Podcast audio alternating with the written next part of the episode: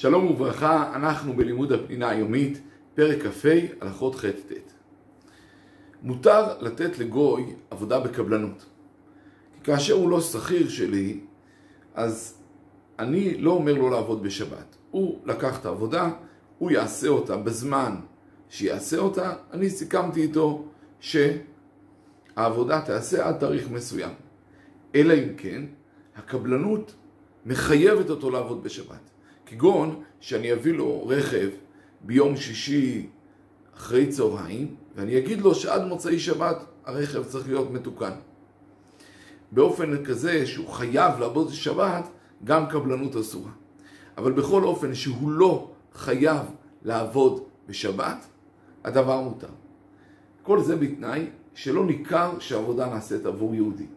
אבל כאשר ניכר שהעבודה תעשה עבור יהודי, הדבר אסור. מכיוון שעלולים לחשוב שזה בשכירות ולא בקבלנות, ולכן מן הדבר אסור. לכן קבלן גוי שבונה בית ליהודי לא יעבוד בשבת. למה? כדי שלא יחשבו שהוא עובד אצלו בשכירות. על פי זה היום, שכמעט כל הבתים הם נעשים בקבלנות, היה מקום להגיד שיהיה מותר, אף על פי כן נוהגים להחמיר. א', בגלל הדעות שאומרות שתמיד צריך לחשוש, אולי אנשים יחשבו שזה נעשה בשכירות. ועוד דבר אמרו, אם הגוי יבנה בשבילי בשבת, יש חשש שהיהודי יסייר ויסתכל ויעיר על הדברים בשבת, וזה כמובן אסור. ולכן הם אלה אמרו שהגוי לא יבנה בית עבור היהודי בשבת. אבל אם יש צורך גדול בדבר, צריך לעשות שאלת חכם, ויהיה מקרים שניתן יהיה להקל, לאור מה שאמרנו. שכיוון שהיום כמעט כל הבתים נבנים בקבלנות, ממילא מעיקר הדין אין בדבר איסור. כאשר יש ישראל וגוי שהם שותפים בעסק, יתנו שהשבת שייכת לגוי ויום אחר לישראל. ואם הדברים נעשים בחישוב יומי, אז מה שיש של שבת יהיה של הגוי, ויום אחר רק של ישראל.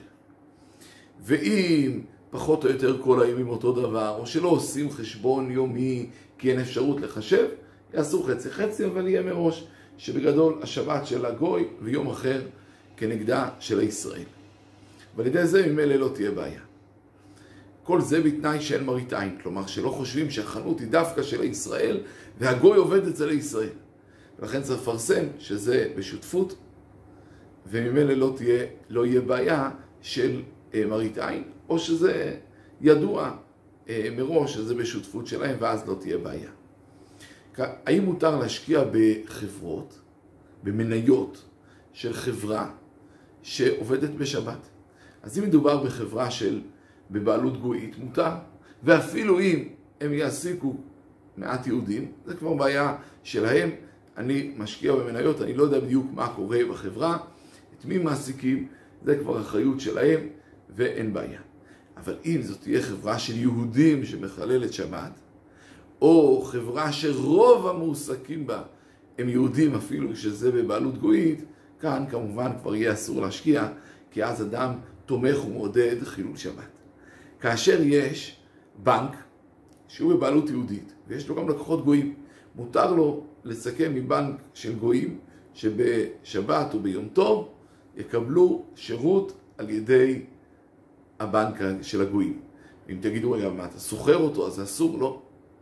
כי הבנק הזה יקבל עמלה על כל פעולה, כך שהוא עובד בשביל עצמו, הוא לא עובד בשבילי, ולכן אם אלה מותר לעשות את הסיכום הזה, שהם יקבלו שירות בבנק של הגויים, ויוכלו לקבל ממילא שירות בשבת וביום טוב, זה ממילא מותר.